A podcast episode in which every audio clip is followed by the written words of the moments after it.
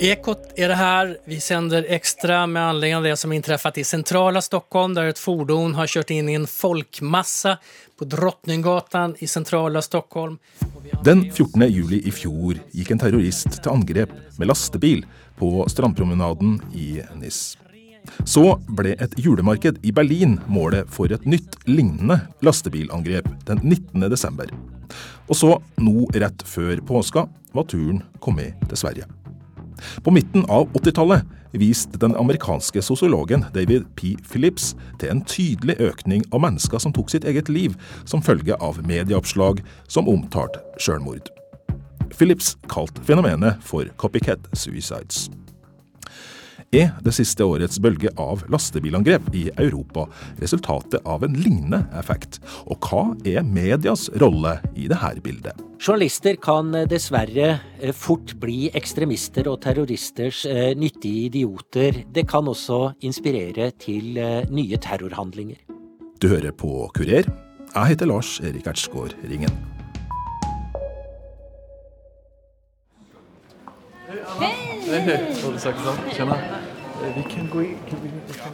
Etter lastebilangrepet i Stockholm den 7. april var Sveriges Radios nyhetsredaksjon Ekots dekning av terrordåden omfattende. Reporter Anna Iversen møtte sjefen Olle Sakrisson i Radiohuset i Stockholm noen dager etter udåden. Från at vi var i gang straks efter klokka tre i fredag, så sendte vi i prinsipp nonstop i et helt dygn. Och sen hade vi ett antal extrainsatta sändningar både digitalt och i FM-kanalerna eh, över hela helgen och har fortsatt så ända sedan dess. Sammen med SVT, den kommersielle TV-kanalen TV4, og de store avisene som hadde sine egne direktesendinger og kontinuerlig oppdatert sine nettsider, var Sveriges Radio dekning av den mistenkte terroraksjonen massiv. Ja, nå er jeg på Fredsgatan, og som jeg sa tidligere, her ligger jo statliga myndigheter. Fan, oj. Nu ser jag faktiskt två skyddsvakter med dragna vapen så jag drar faktiskt om husknuten för att ja. folk på andra sidan springer bort. Eh, nu står jag här bakom en tillfällig, man vet ju aldrig. EKT är det här alltså. Ja. Eh, vi hørte hörde Christian Åström direkt från centrala Stockholm i närheten av riksdagen och, eh, och även statsrådsberedningen. Det senaste om händelseutvecklingen. Den här typen av dåd när lastbilar kör in i folkmassor. Det kan handla om ett så kallat copycat-beteende där gärningsmännen inspireras av varandra. Vad tänker du om det? Jag tänker att det är väl en intressant observasjon observation och en intressant eh diskussion. Eh, och eh, det, eh, det finns säkert många olika analyser och förklaringar kring det. Det är inte riktigt någonting som jag känner att jag utifrån publicistiskt övervägande verkligen måste gå in i den typen av diskussioner. Här har man ett fasansfullt, hemskt attentat mitt i Stockholm Eh, det berör väldigt många, det sänder ut enorma orosvågor. Det eh, är eh, betraktat av hela statsledningen och hela myndighetssfären som en väldigt extraordinär händelse. För mig är det ganska självklart att det är någonting som betingar en stor respons och mycket sändningar från Sveriges Radio. Och vi har också sett hur otroligt mycket mer publik och lyssnare som vi haft under de här dagarna. Det vill säga folk vänder sig till oss i sådana här stora nyhetslägen. Så det är ganska självklart att vi måste göra allt vi kan för att göra den bästa möjliga bevakningen av det. Vi ska komma tillbaka till Ekots chef Ole Sakrisson senare. I kjølvannet av det som skjedde i Stockholm før påske, skrev forfatter Gert Nygårdshaug et debattinnlegg i Aftenposten i starten av denne uka. Nygårdshaug sier at media gir terroristene akkurat den oppmerksomheten de vil ha, og at det inspirerer til nye voldshandlinger. Dette skaper copycats. Jo mer pressen, og ikke minst TV, ruller dette ut, jo flere får de. Man hører jo, altså Det blir jo rulla ut minnehøytideligheter Eiffeltårnets lykter slukkes. Det er kransenedleggelser, det er intervjuer med, med sørgende og slektninger og, og bisittere og gud veit. Og terroristene de sitter her og koser seg og ler. Ja, se hvor vi har oppnådd. Forskere verden over ser nå nærmere på medias rolle i forhold til terrorhandlinger. En fersk rapport fra International Center for Counterterrorism, ICCT, forteller at gjerningsmannen bak lastebilterroren på strandpromenaden i NIS skal ha studert tidligere terrorhandlinger grundig før udåden, f.eks. Orlando-skytinga og et annet mindre angrep i NIS, hvor det også ble brukt bil tidligere samme år. ICCT kan foreløpig ikke bevise en copycat-effekt hos terrorister, men sier at det er viktig at det forskes videre på området. Voldsforsker Ragnhild Bjørnebekk ved Politihøgskolen i Oslo har studert kopieringseffekten. Uttrykket copycat ble, som allerede nevnt, først brukt av den amerikanske sosiologen David P. Phillips, men fenomenet er mye eldre. Det er et veldig gammelt fenomen, og det har vært beskrevet i mange sammenhenger. Og første gangen som vi har eh, sett det beskrevet, var eh, etter at Goethe ga ut eh, boka si om unge Werthers lidelser, hvor det er en beskrivelse av en mann som ikke får kjæresten sin, og så begår han et selvdrap.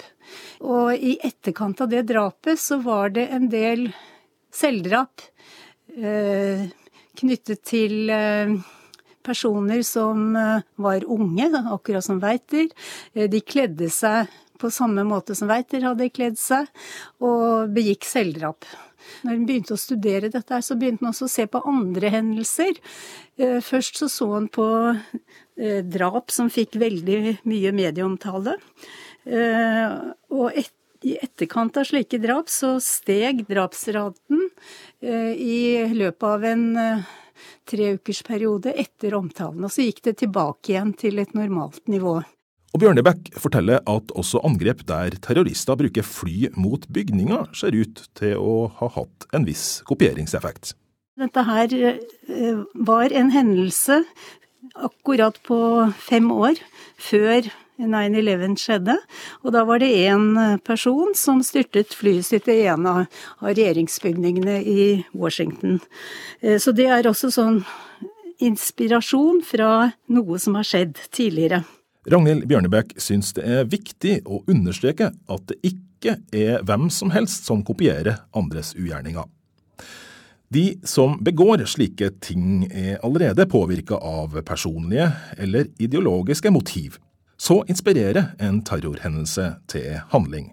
Det har vært sånne eh, snipers, eller sånne snikskyttere i det offentlige rom. Det har også vært eh, dokumentert at de som har eh, begått sånne skyting, hvor de gjemmer seg og skyter på tilfeldige personer, at de har vært inspirert av andre som har gjort det samme. They came into the library. They just started shooting at everyone. Den 20. april 1999 gikk to elever ved Columbine High School i Colorado, USA, inn på skolen og skjøt og drept tolv andre elever og en lærer, mens ytterligere 21 ble skada. Udåden ble ifølge en amerikansk studie det årets mest omtalte nyhetssak, og den nest mest omtalte saken om vi ser på hele 90-tallet.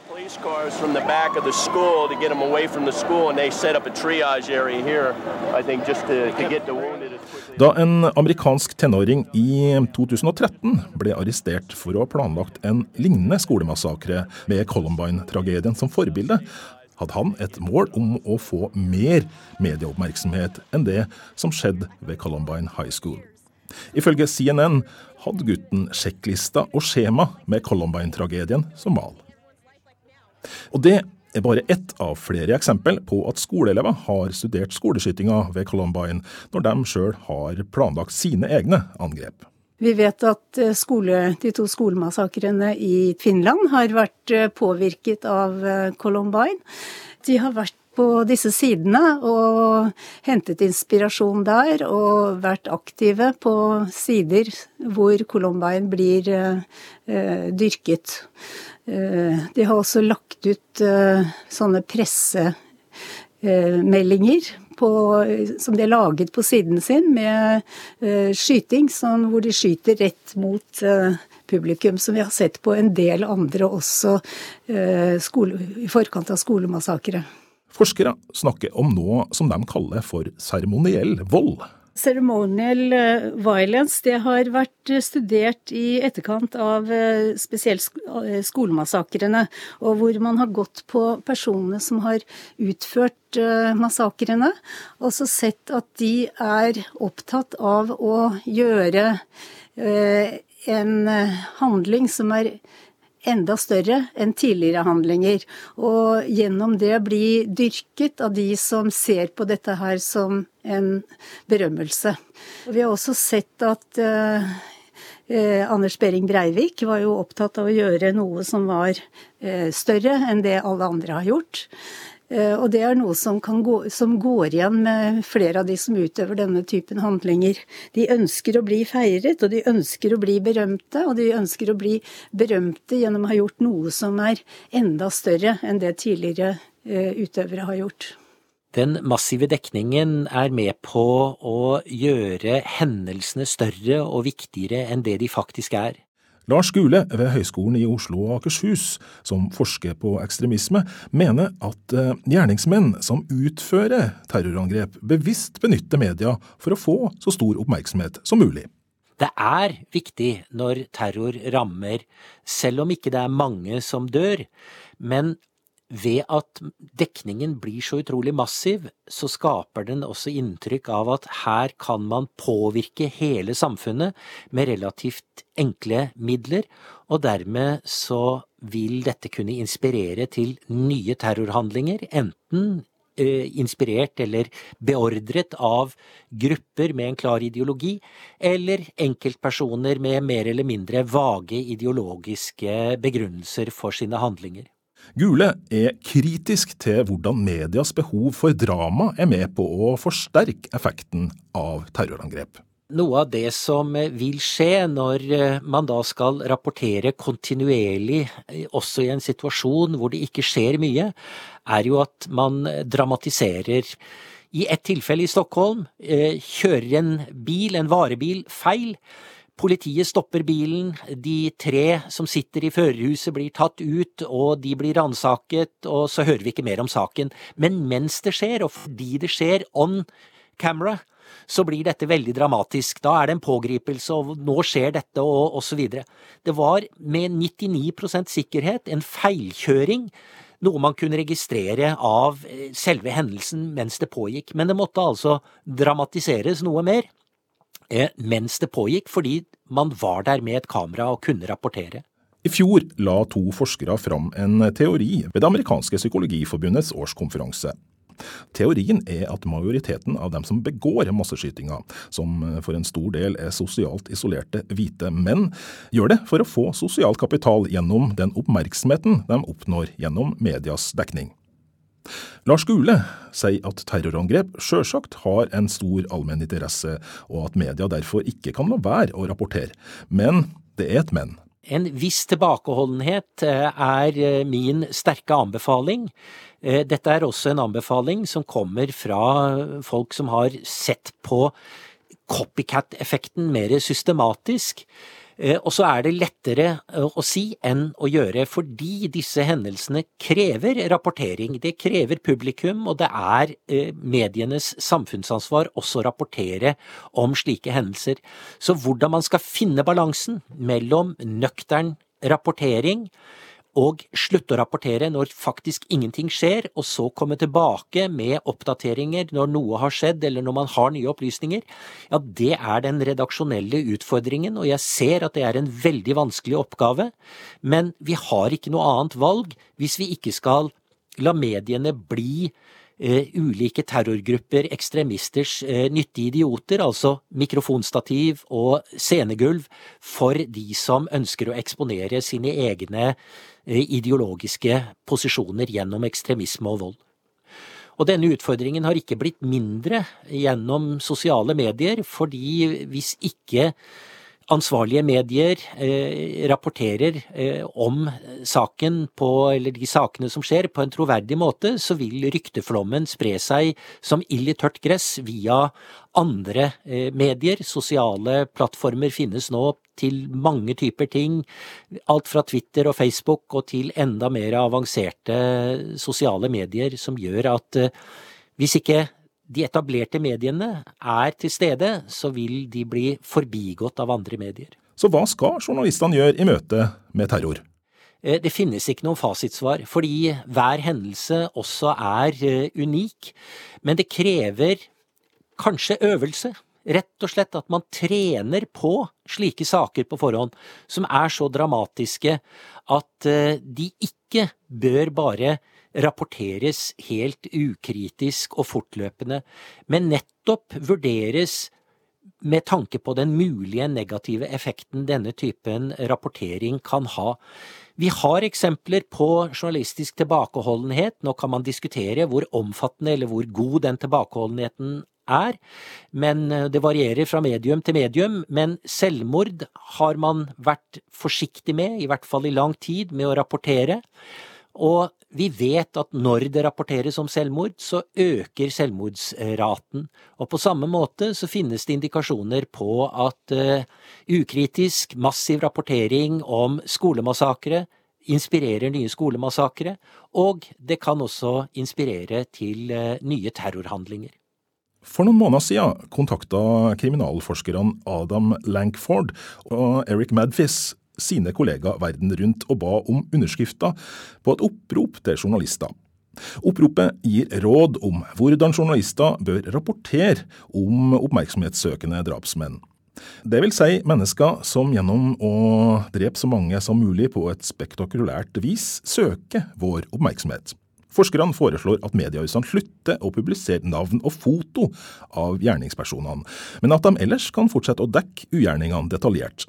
På den måten blir ikke dem som utfører udådene mediekjendiser, og risikoen for kopiering blir mindre. Ragnhild Bjørnebekk var en av de som ble spurt om å sette sitt navn under oppropet.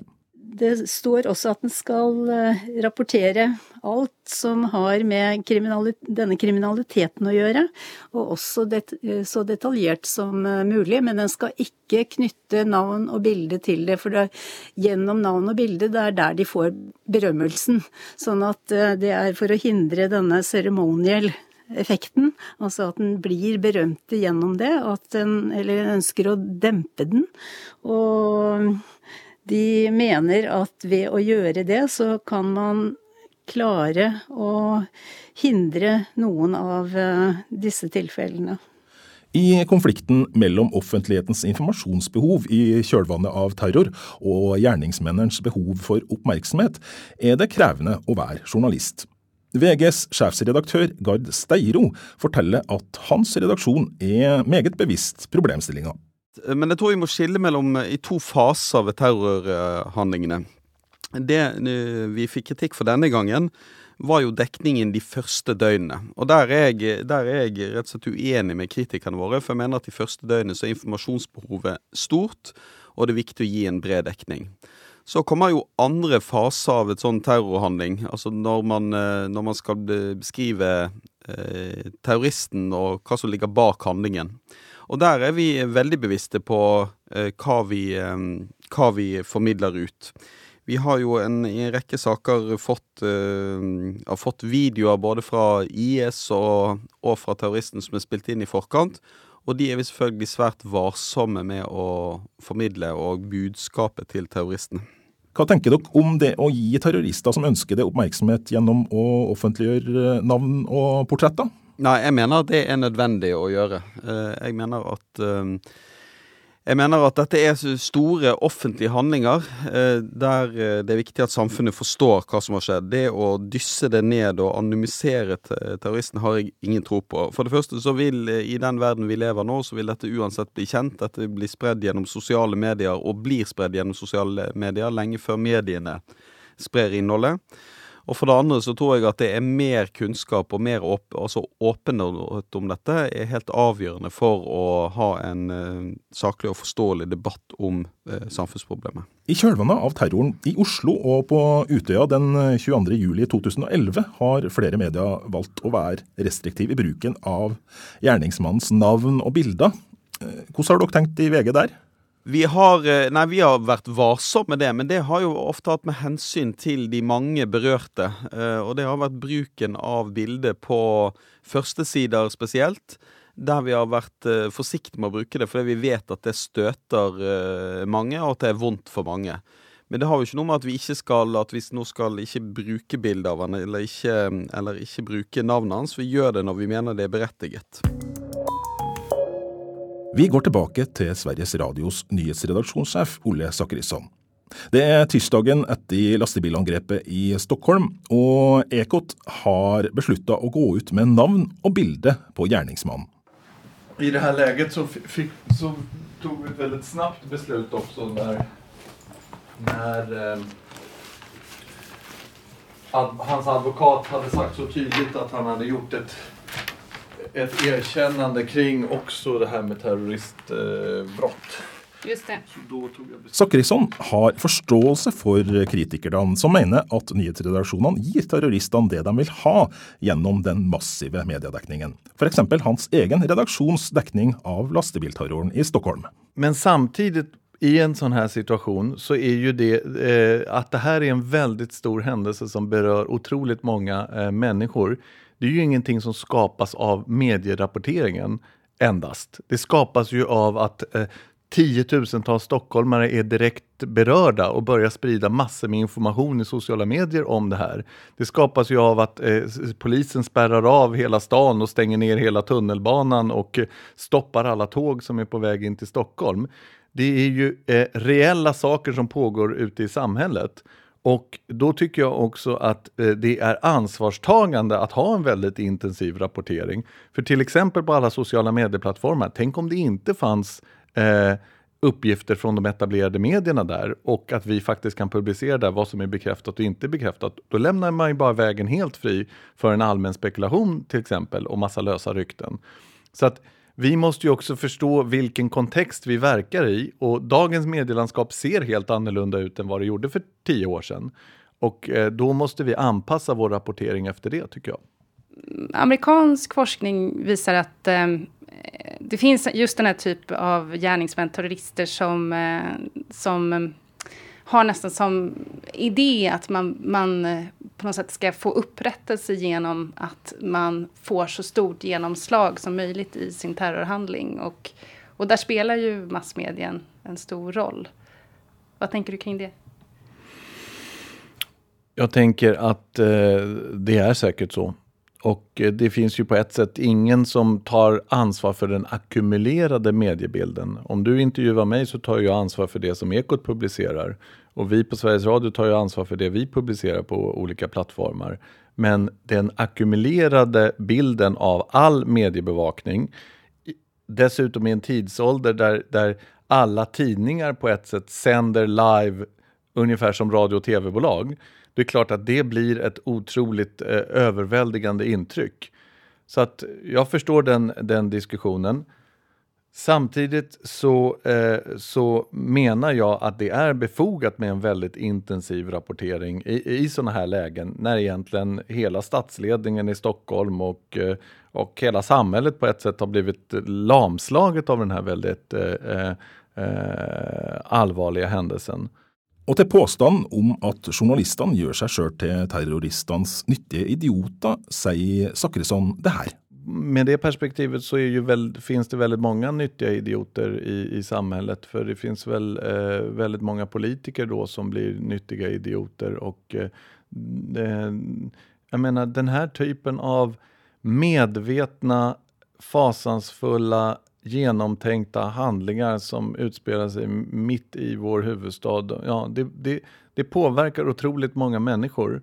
Och eh, eh, att, att man inte till fullo skulle rapportera det, då tror jag vi skulle få världens eh, diskussion om mörkläggning och varför säger ni inte som det är? Och, jag menar, journalistiken blir på ett sätt överväldigande men den blir samtidigt väldigt öppen. Det är samtidigt väldigt transparent om vad man gör och vad man publicerar och man kan jämföra det med, med uppgifter som man själv ser i sociala medier.